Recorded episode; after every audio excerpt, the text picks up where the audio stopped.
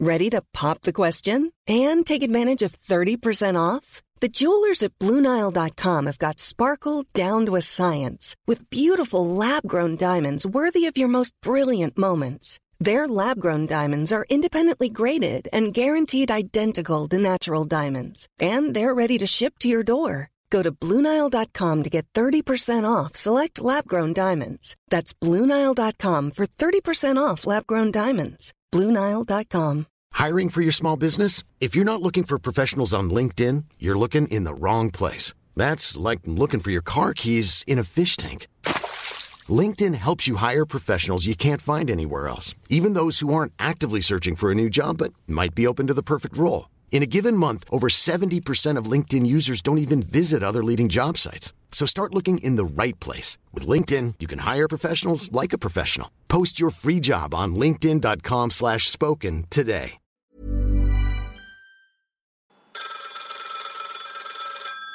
Nämen tjänare! Du har precis börjat lyssna på ett avsnitt av Bröta på. En väldigt göteborgsk historiepodd.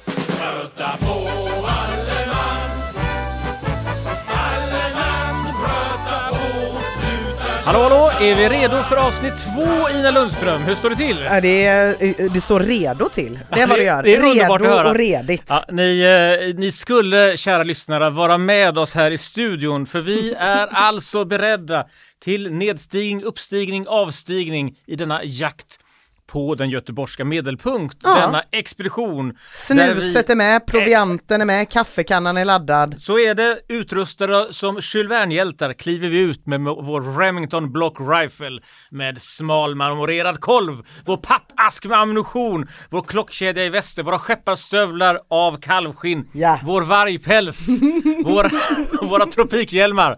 Rakt ut i terrängen för att i denna andra del fortsätta att nalkas Göteborgs medelpunkt. Ja. Och den här gången tänkte vi faktiskt efter att i första avsnittet ha fastställt premisserna. Eh, Vi diskuterade olika parametrar, det kunde vara demografiska, geografiska, historiska, anekdotiska. Eh, Allting för att vi så småningom i ett femte avsnitt ska nå fram till Göteborgs medelpunkt. Ja. Eh, Vi har ännu inte avfärdat några kandidater. Nej. Det kan hända att vi gör det idag kanske.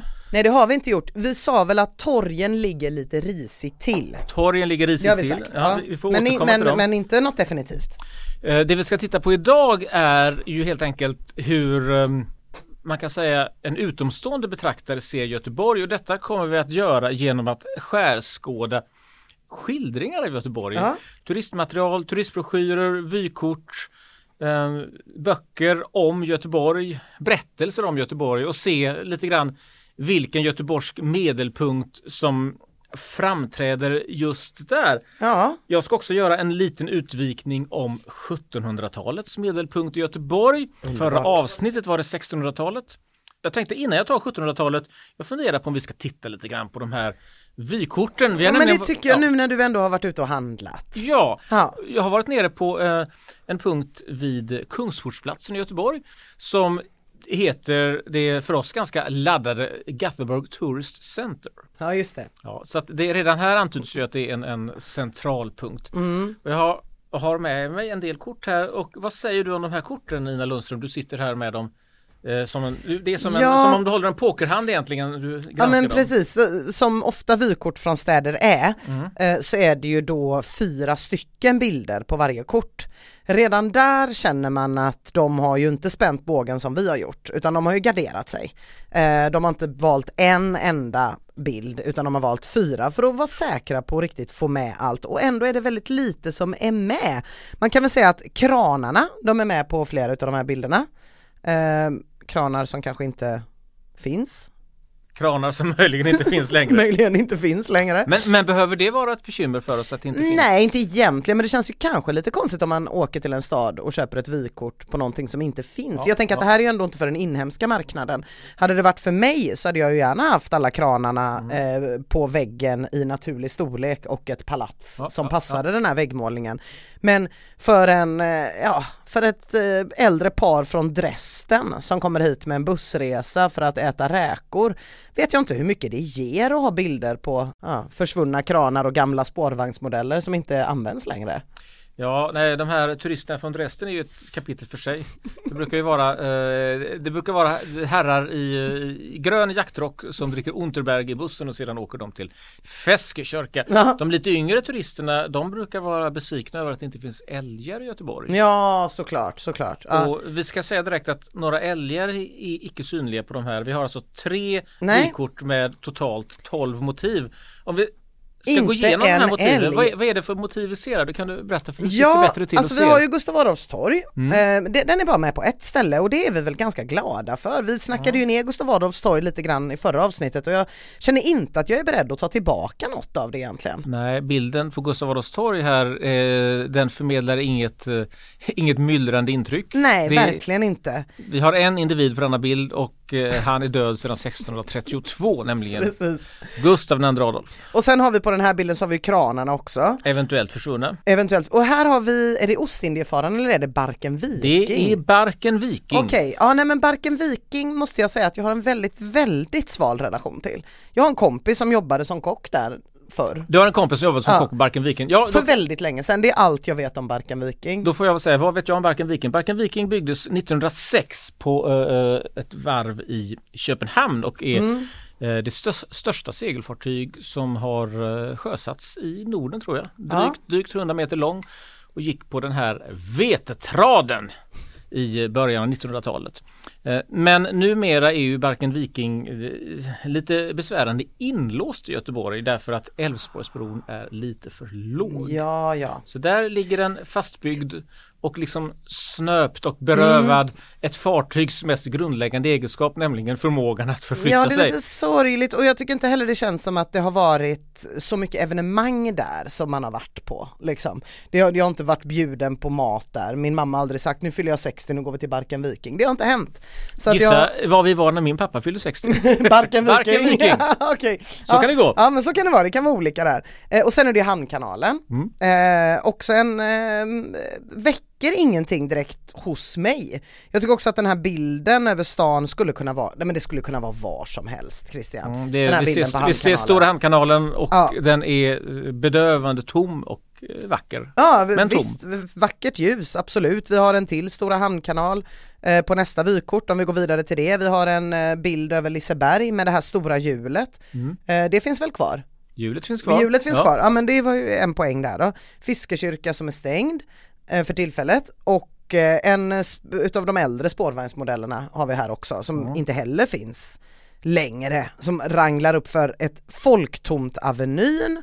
Och sen är vi tillbaka, här är egentligen uppreparna, upprepningar av motiv bara på det sista vykortet här. Det är Barken Viking och det är Hamnkanalen och det är eventuellt försvunna kranar och sen är det ju då Slänggungan på Liseberg som också känns som kanske den mest vanliga karusellen. Här känns det ju lite som att de har valt en karusell som får plats på en liten bild snarare än någonting som känns väldigt ikoniskt för ja. Göteborg. Men det här är ändå, Ja. eh, om vi nu då ska fundera över vad är det som, eh, vad är det för porträtt av en stad som framträder nu på de här, de här 12 Ja. fotografierna? Det jag vill säga om de här 12 fotografierna som är bra, det är att över hälften av de här bilderna har ju vatten på sig. Ja.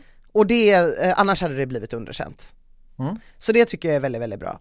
Är det så här att eh, när vi ska försöka få den här något fladdrande kompassen i vår strävan efter- Göteborgs medelpunkt att eh, vi ska försöka få denna kompass att stadga sig en smula. Är, känner du att, att vatten, närheten till eh, till vatten och då, då skulle i Göteborg så kan ju detta vatten kan ju ha, väl, kan ju ha väldigt många olika typer av, av, eh, av prägel. Det kan, Mm. vara, det kan ju vara Västerhavet, det kan vara Göta älv. Eh, det, Det kan, kan vara inte vara en playa. Eh, nej, det kan kanske inte vara en playa. Nej, jag vet inte riktigt om vi har någon playa i Göteborg. Det skulle Nej men, vara... nej, men de, har ju, de har ju satt någon stor stol där vid stenpiren Ja, ja. och strött ut lite sand. Mm. Den menar jag inte när jag säger havet, vill jag bara vara tydlig med. Du kände inte att du, vill, att du ville tillbringa din eftermiddag på den där stolen? Nej. Nej, nej jag, jag, eh, jag förstår Men, detta. men eh, vykorten, jag blir också lite ödmjuk när jag ser vykorten över vilken otroligt svår uppgift vi har tagit oss an. Mm. För vi har faktiskt också på, på, på bordet här emellan oss två stycken böcker som du har varit med och skrivit om Göteborg. Mm, mm, Och, och, och då måste jag ju säga i all välmening att du har ju också valt, eller ni har tillsammans valt, många bilder här. Ja, Det är inte, du, du har inte kunnat ena dig om en bild. jag anar några läckert farserade spydigheter här. Ja, nej men nej, ja, det, nej snarare så här. vad menar du? Snarare så här menar jag bara Ja. Christian, att tidigare så har Ja. du också garderat dig. Ja, så att man får nog förstå riktigt. att det är nog väldigt svårt det vi gör, det är Mm. bara det jag säger. Det, det skulle vara som ett sånt tal som i Braveheart när Mel Gibson försöker liksom mana trupperna till mod. Det är det jag vill göra här. Mm. Just det, just det. Vi, Mm. ska, vi ska försöka fatta mod. Den, här, den här stora konjakspluntan som vi har bredvid vårt Remington-gevär är kanske Mm. snart, eh, snart har vi tillfälle att öppna den. Jag tror det. Men jag skulle vilja återknyta nu här inför den här lilla historiska utvikningen till din vattenobservation. Mm.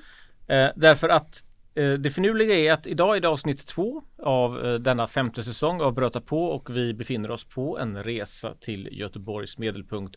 Och i varje avsnitt så har vi också en liten historisk utvikning. I, i förra avsnittet pratade vi om 1600-talet och eh, vilka göteborgska medelpunkter som var synliga där.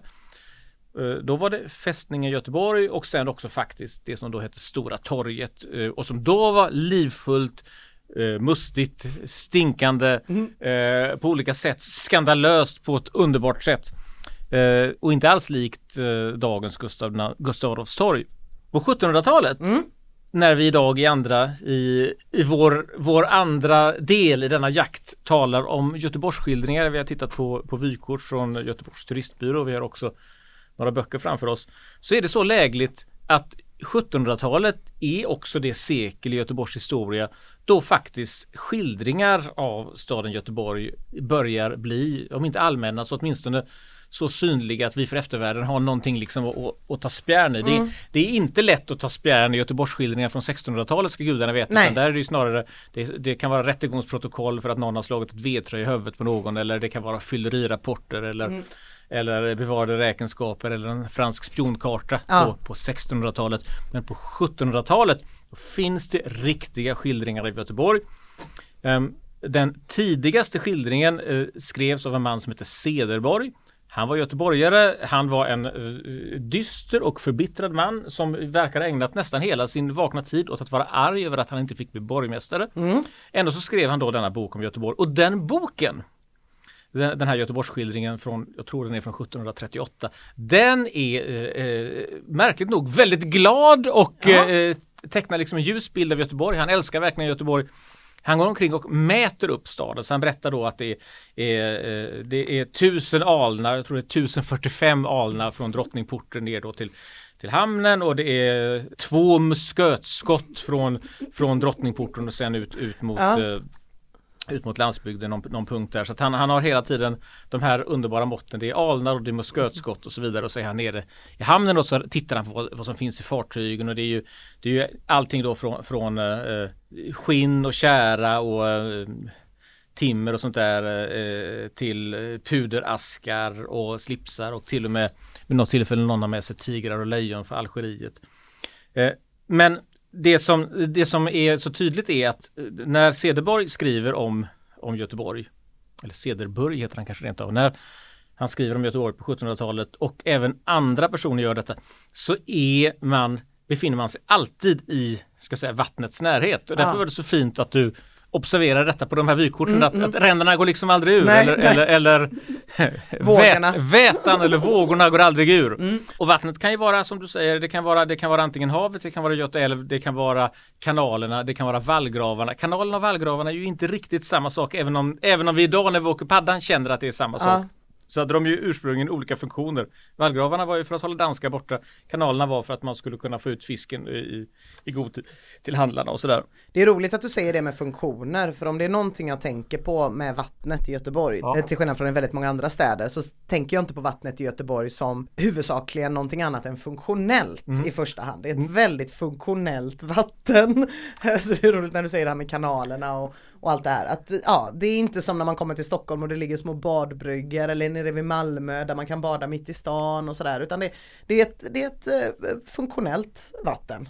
Göteborg är kanske en funktionell stad. Ja, kanske det. Så skulle det kunna vara. När, jag, när, när jag ibland är ute och, och och träffar läsare och så på bibliotek så, så eh, kommer det ibland fram, farbröder till mig och de är då lite kritiska till, till sånt jag har skrivit. Och oftast är det för att de säger att, ja, att eh, jag skulle ha kunnat få in mer fakta. Ja, De säger att det, det är, du skulle kunna få in mycket mera fakta. Mera fakta säger de. Och eh, det, det är väl en, eh, det är väl, det är väl kanske ett, ett sätt eller en spegling av, av, av en göteborgsk här. mentalitet, Den göteborgska mentaliteten som präglas av funktion. Mm. När det gäller andra Göteborgsskildringar från 1700-talet så är den mest kända Linnés Göteborgsskildring. Han kom till Göteborg ett par år efter att Ceder började skriva sin bok. Och Linné han eh, skriver att Göteborg är den vackraste stad han har sett. Mm. Eh, det konstiga är att Göteborg ganska nyligen har brunnit. Ah, okej. Men Ja. han eh, verkar bortse från det eller också så har han annat att tänka på. Linné är naturligtvis också i de här miljöerna runt Stora Hamnkanalen. Och ett par decennier efter Linné så är det en, eh, en tecknare som heter Elias Martin och han hör till det här grogggänget eh, runt Gustav III, alltså Sergel och Bellman och Elias Martin och så. De, de, är, de hänger där runt hovet och eh, Elias Martin får i uppdrag att teckna något som ett projekt som heter Svenska vyer. Ja. Vyer stavas V-U-E-R, vyer, vyer. Ja. Och allting han tecknar i stort sett från Göteborg, med några undantag, är runt Stora Hamnkanalen. Mm. Så det är alldeles tydligt att för 1700-talsmänniskan så var Göteborg eh, i stort sett kvarteren runt Stora Hamnkanalen. Ja. Det som vi idag kallar Brunnsparken, norra och södra Hamngatan. Mm. Det, Det är det Göteborg. som är Göteborg. Ja, pre- pre- Precis. Och man har en känsla av att det inte riktigt var lika viktigt för dem att visa de här murarna därför att de började ju också eh, kanske bli lite meningslösa Mm. av det enkla skälet att väldigt mycket av, av mycket bebyggelse fanns runt stan. Till slut kom de ju på det att vi kan, inte, vi kan inte längre riva allting utanför murarna när danskarna kommer som vi har planerat för Nej. då kommer vi att ställa till med mer skada än vad danskarna själva kan göra. Så att denna lilla utvikning om 1700-talet är alltså att eh, det här vattnet som du såg på vykorten det var också närvarande i allas medvetande på 1700-talet. Göteborg var Stora Hamnkanalen med omnejd i stort sett. Men skulle man säga då att medelpunkten på 1700-talet är mitt i Stora Hamnkanalen? Ja, det skulle jag kunna säga att det är. Ja. Ungefär där, där idag den här lejontrappan finns. Just det, Lejontrappan. Ja, okej. Mm. Ja, men det Och där har vi kanske en kandidat också. Mm, ja, det kan vi absolut Som, ha. som, är, som, är, som är värd att fundera över. Ja, verkligen. men det tycker jag, för jag tycker ju att Lejontrappan till skillnad från Gustav Adolfs torg är byggd för att människor ska vara där. Jag vet inte om den är byggd för det, men det passar väldigt bra. Det är väldigt trevligt att sitta där. Om jag ska, tänk så här Christian, att du ska träffa en kompis som du vet alltid blir 15 minuter sen. Vill du då avtala med dem på Gustav Adolfs torg eller vid Lejontrappan? Nej men vid Lejontrappan tänker jag såklart. Man sitter gott, man tittar, det finns saker som händer. Ofta lite olika små konstutställningar som pågår där i vattnet. Nej, ja, shoutout till Lejontrappan säger jag. Lejontrappan, är, ska vi göra en liten notering om Lejontrappan? Ja det tycker jag, den är värd att fundera Eh, det, vidare det på. är, eh, Den eh, framträder som kandidat här. Ja. Och den är ju inte med på någon av de här vykorten i alla fall. Nej. Nej. Eh, Vad är den till för? Vad Lejontrappan är till för? Den är nog till för precis det som du nyss har skisserat. Att man ska För- sitta där, inte för att man ska lätt kunna gå ner med rover till en båt eller så. Nej, den är, den är ju alltså ganska nybyggd. Det är den? Ja. Ah. Så, så det här är, det, det är en trivselplats och jag Ja. vill till och med minnas att när de här lejonen skulpterades, och det är ju kanske 25 år sedan eller 30, att, eh, att de skulle vara klappvänliga. Gud vad det, mysigt. Det, det, det ingick Jag var på en asiatisk restaurang i, i Malmö för några veckor sedan. De hade en T-robot. Mm. Så de hade en robot som med en liten skärm för ansiktet som var som en liten eh, tecknad katt. Som kom med ens drycker och som var programmerad att gå med te till olika personer. Det var väldigt roligt att se hur personalen när de gick förbi T-roboten klappade till den lite på vägen. Den var som en kompis för dem. Ja, nej, men det, jag tror att eh, det, det är fint att de redan när de byggde Lejontrappan då, Mm. även om det inte var så himla hiskeligt länge sedan, tänkte att ja, det, folk vill ändå ta på döda ting som vore de levande. Precis, ett, eh, ett bronslejon kan alltid, kan alltid förhöja stämningen en liten smula. Men det finns ju Det finns ju andra typer av skildringar än eh, än eh, vykort och, Mm. eh, och böcker. Det finns ju, eh, jag tänker på musik och film och litteratur och så. Vad, vad, du kan ju musik bättre än Mm. jag. Vad har, du, har du några spaningar där? Finns, finns det någon göteborgsk medelpunkt som framträder i, eh, I musikens musiken? Göteborg? Hmm. Ja, alltså besjungna platser har vi pratat om tidigare i den här podden. och jag är inte säker på att vi, att det, att vi nödvändigtvis måste nalkas liksom Nej, en, en konkret plats att besjunga Nej. men finns det en, det finns... finns, det en göteborgsk kärna som framträder? Ja men det tycker jag och jag tycker nog att det är tydligt att eh, artister som inte är från Göteborg Mm. och skriver om Göteborg beskriver Göteborg som ett Las Vegas eller där det som händer i Göteborg stannar i Göteborg Mm, och eh, ett, ett typiskt utflyktsmål där det är glatt och trevligt och kul innan man åker tillbaka till verkligheten. Medan jag upplever att artister från Göteborg eh, det mer sällan så. Eh, och om jag tänker på kanske den eh, kändaste eller viktigaste Göteborgsskildringen för musiken som kommer efter då kanske det är Broder Daniels Shoreline.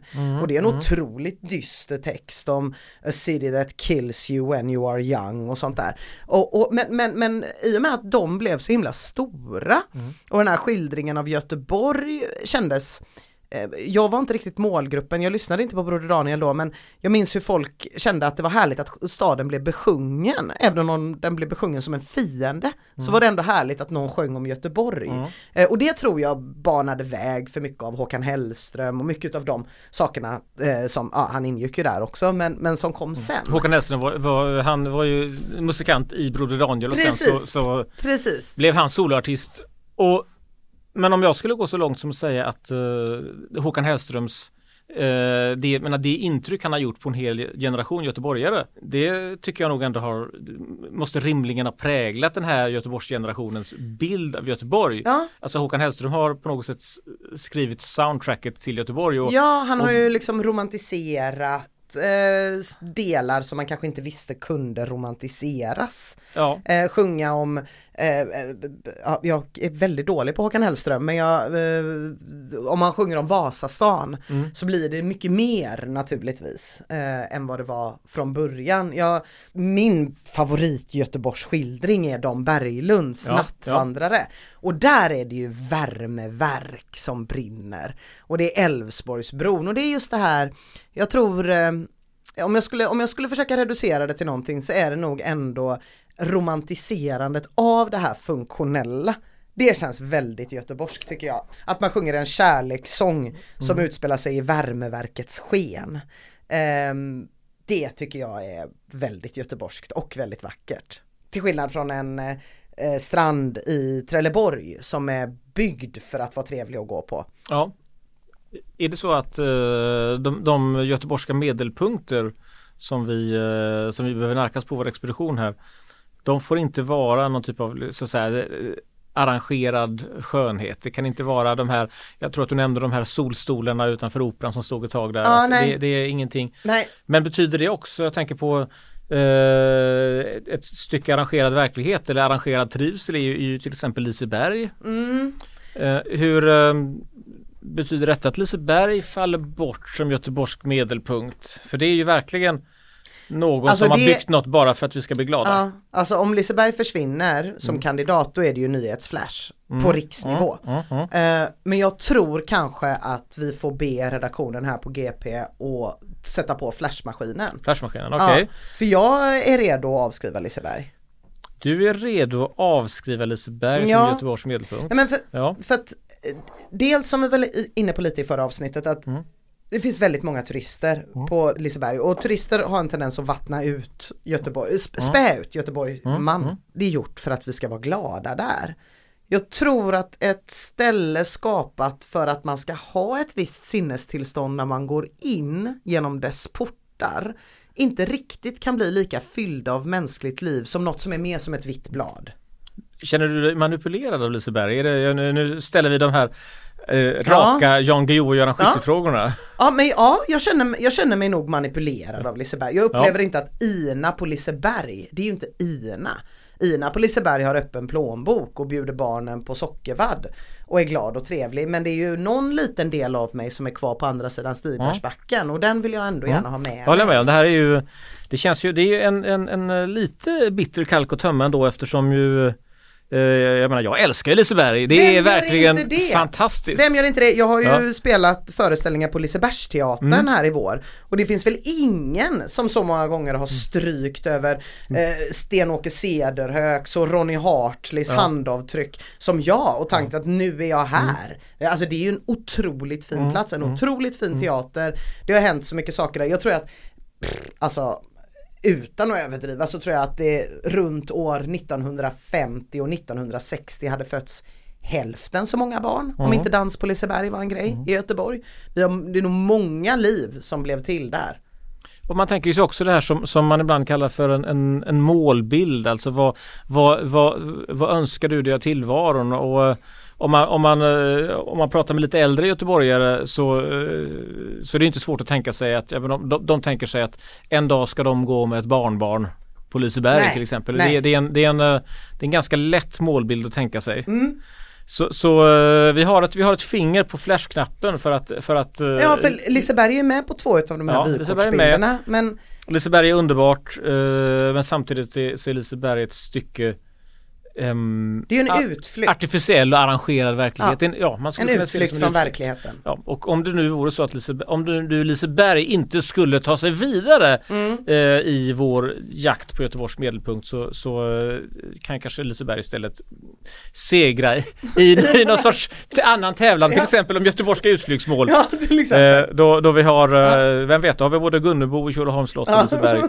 Eh, men, det är, det är, men det är en senare fråga. Det, eh, nu har du, du har pratat lite grann om musik här. Har du koll på film och sånt också eller hur? Ja Film alltså och litteratur, skönlitteratur i största allmänhet. Ja, nej men eh, eh, filmerna i alla fall Mm. känner jag ju att jag har ju inte så mycket erfarenhet av. Jag ser ju framför, det är väldigt mycket vatten där med.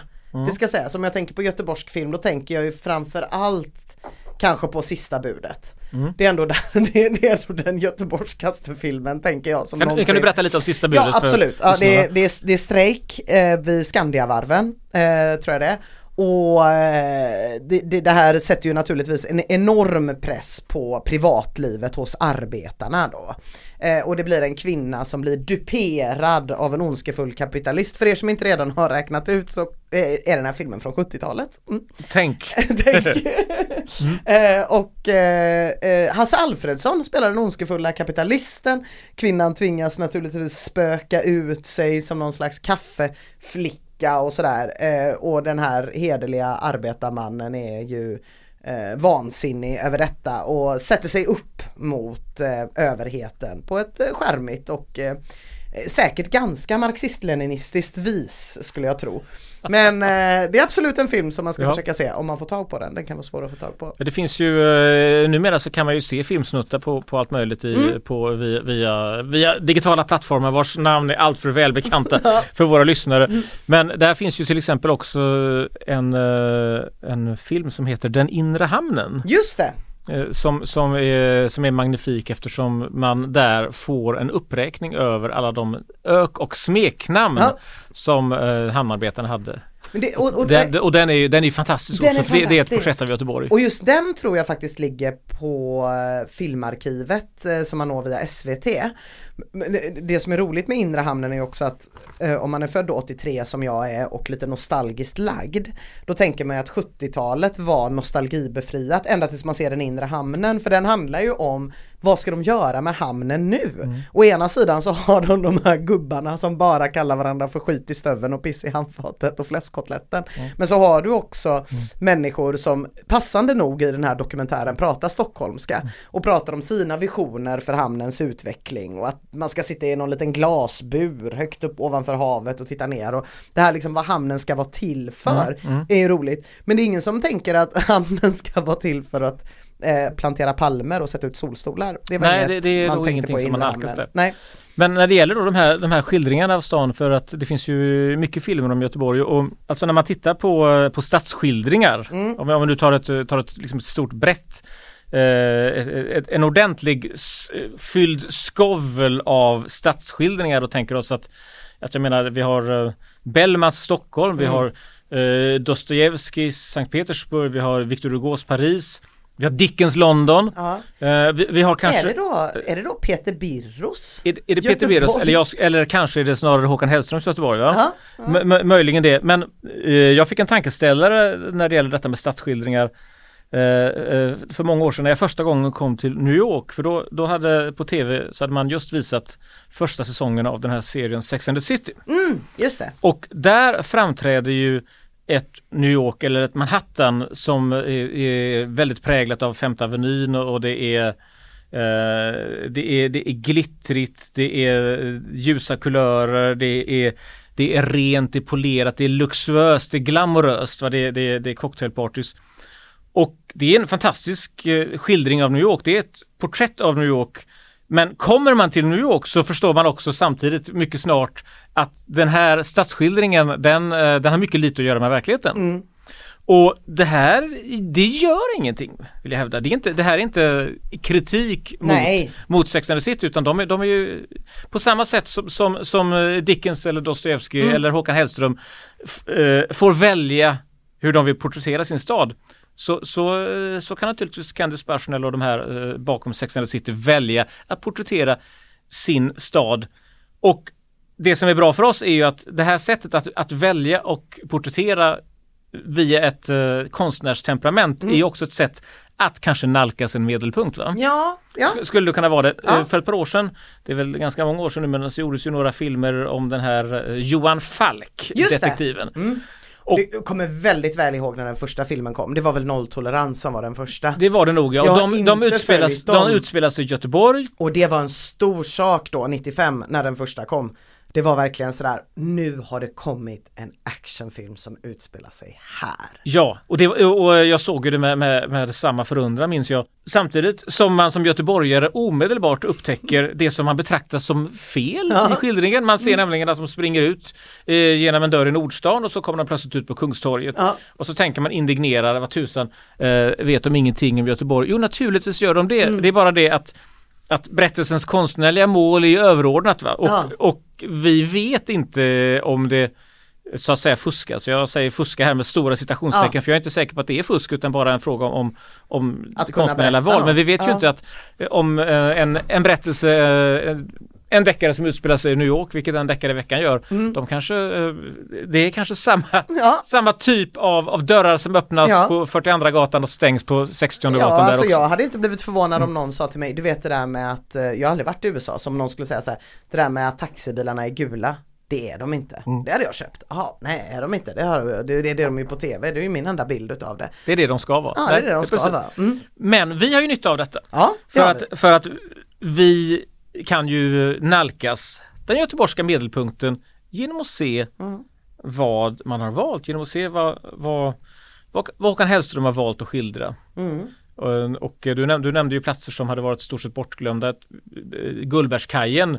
Gullbergskaj som han sjunger, Ah, okej. är, är Mm. väl ett sånt uh, typiskt exempel. Att, att det hade ju inte haft eh, samma plats i, de, i göteborgarnas hjärtan, verkligen inte. Nej, nej. Om, om, om, om det inte vore för att, För att han, för att han hade skapat liksom ett Nej. soundtrack till Men man till undrar ju hur bostadspriserna på Brännö är påverkade av dans på. Brännö brygga jämfört med bostadspriserna på Asperö. Jag vet Just. inte om det skiljer, men det kanske skiljer. Ja, eh, det, och eh, frågan är, fick Lasse Dahlqvist någon gång någon kompensation för detta? Ja, det kan, det, det, denna, detta, detta immateriella värde i en, en, eh, en fastighet nära Brännö brygga, ja vem vet? Vi har, vi har, nu, vi har ju tittat på, på vykort, vi har, vi har eh, nalkats Göteborg via böcker. Eh, och bara för att få ett litet hum om om vi- vil, vilka typmotiv som framträder i de här böckerna. Så jag gjorde en lite snabb genomgång här. Um, så säger det var då Göteborgs centralstation, kanalerna, domkyrkan, Börsen, Järntorget, Valand, Aron Jonasson, ja, vår vän Storvidsyren.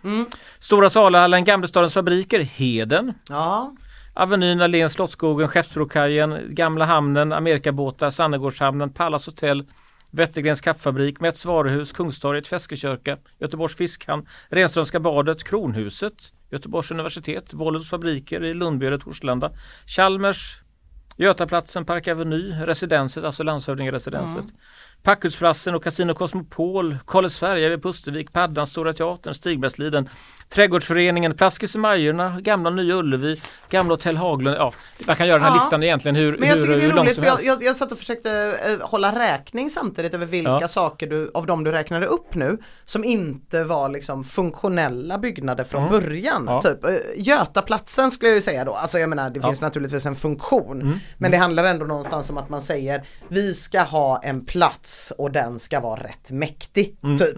Eh, på Götaplatsen. Men sen var det ju påfallande mycket, jag vet inte om det är så i andra städer, men väldigt mycket eh, fabriker Mm. och, och eh, ja, handelsplatser. Ja.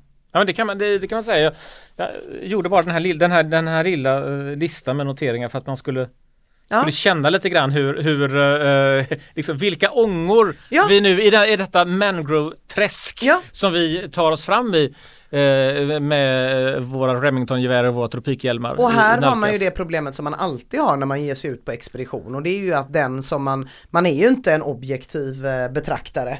Eh, lika lite som Jules Vernes hjältar så är man ju det. Så att jag menar det är klart att när du säger Stigbergsliden och då spritter det till lite Mm, i vänsterbenet på mig och så tänker jag där har vi det! Där Men det kan ju vara för att jag är väldigt ofta där. Ja men jag, ja, Stigbergsliden, det, det är inte dumt det när Nej. vi ändå är, är, är det på spåret här.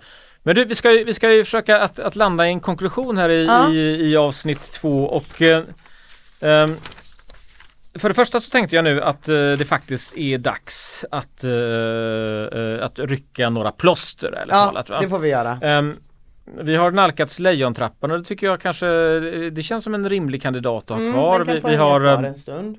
vi har väl känt viss tveksamhet om Liseberg men det jag undrar är om det faktiskt inte är dags att eh, eh, rycka eh, det ganska stora förband som är eh, de kända torgen. Jo. De ligger illa Jag är till. redo. Vi har, eh, om vi ska titta på vilka, vilka torg det här är så är det, det är Gustav Adolfs torg. Mm. Ehm, det, är, eh, det är Götaplatsen, Det är Kungstorget. Kungstorget, det är Lilla torget, det är Drottningtorget. Mm. Det, här, det, det här är de centralt belägna torgen. Alltså jag är väldigt glad att vi bara pratade om att göra det förra veckan. Ja. För jag tror det hade varit för drastiskt att prata om torgen och i samma veva rycka dem. Mm. Det är lite som att köpa flera möbler samtidigt när man är på IKEA. Ta Mm. hem soffan först, känn på den, se om du verkligen ska ha ett nytt bord. Så ska man jobba. Mm. Och nu när det har gått ett tag sedan förra avsnittet Mm. så känner jag att Nej men jag är redo. Och Kungstorget är det som gör ont hos mig. Det är Kungstorget säkert något är annat väl, som gör ont är väl hos dig. kanske i så fall eh, om, om, om det finns något torg där jag känner att eh, man skulle kunna låta det dingla på en krok så skulle det möjligen vara Kungstorget. Ja, men jag vi, vi behöver måste, ta oss fram. Ja, vi har inte Ja. hur många avsnitt som helst Nej. vi måste ändå Eh. rycka grejer och vi, jag tröstar mig ändå med att Gamleport finns inte mer.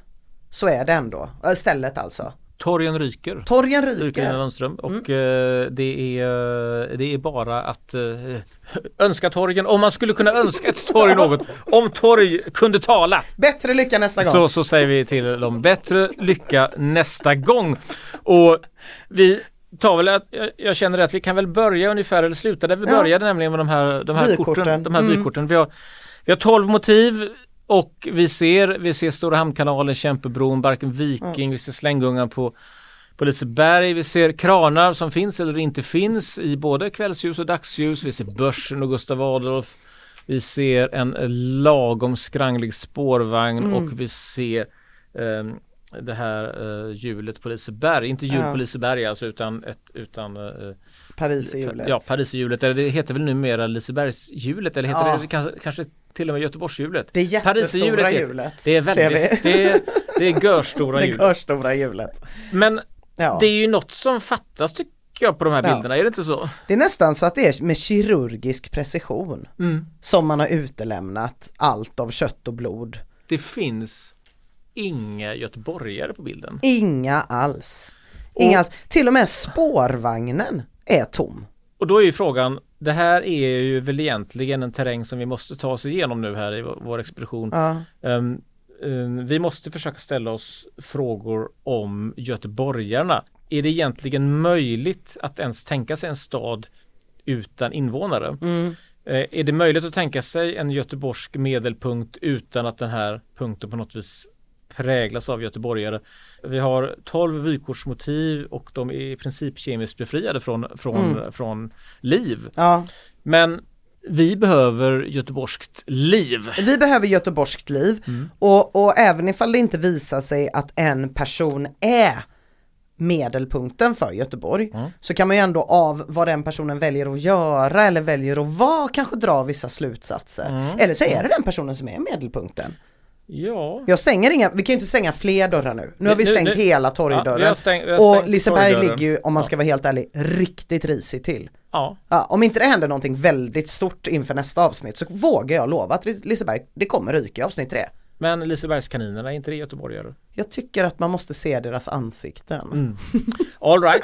Eh, men som sagt, vi ska, vi ska inte, vi ska inte föregripa Nej, ska inte nästa etapp här. Utan, Nej, utan, och ro nu, nästa, blir- nästa, ja. nästa etapp vid vår resa mot Göteborgs medelpunkt eh, kommer alltså att avhandla göteborgarnas betydelse för att eh, hjälpa oss att fastställa den här medelpunkten. Så det, det ser vi fram emot nästa gång. Ja det gör vi verkligen. Göteborgarna. Tack så mycket Ina. Tack Christian, ha det gott.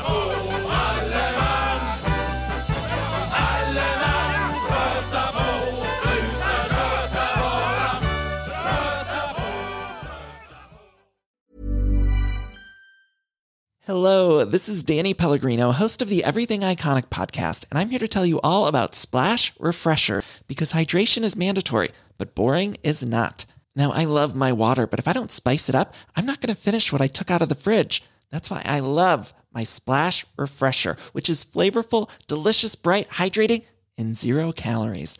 The wild berry flavor is my fave. No, wait. Is the pineapple mango flavor my fave? You know what? All five craveable splash refresher flavors are my fave because they're so delicious. So get hydrated and enjoy it with Splash Refresher. ACAST powers the world's best podcasts. Here's a show that we recommend. The Real Housewives is a guilty pleasure for most, but if you're looking to not feel guilty about that pleasure, tune in to Everything Iconic with me, Danny Pellegrino, where I break down all the messy moments and behind the scenes antics of Bravo's popular franchise. And on Everything Iconic, I also interview celebrity guests like Kelly Ripa, Kiki Palmer, Drew Barrymore, Cameron Diaz, and more about their guilty pleasures, their past work, and so much more. So if you're pop culture obsessed and find yourself watching way too much reality TV like me, tune in to Everything Iconic with Danny Pellegrino wherever you listen to podcasts.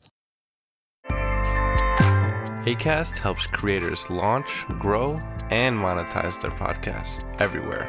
ACAST.com.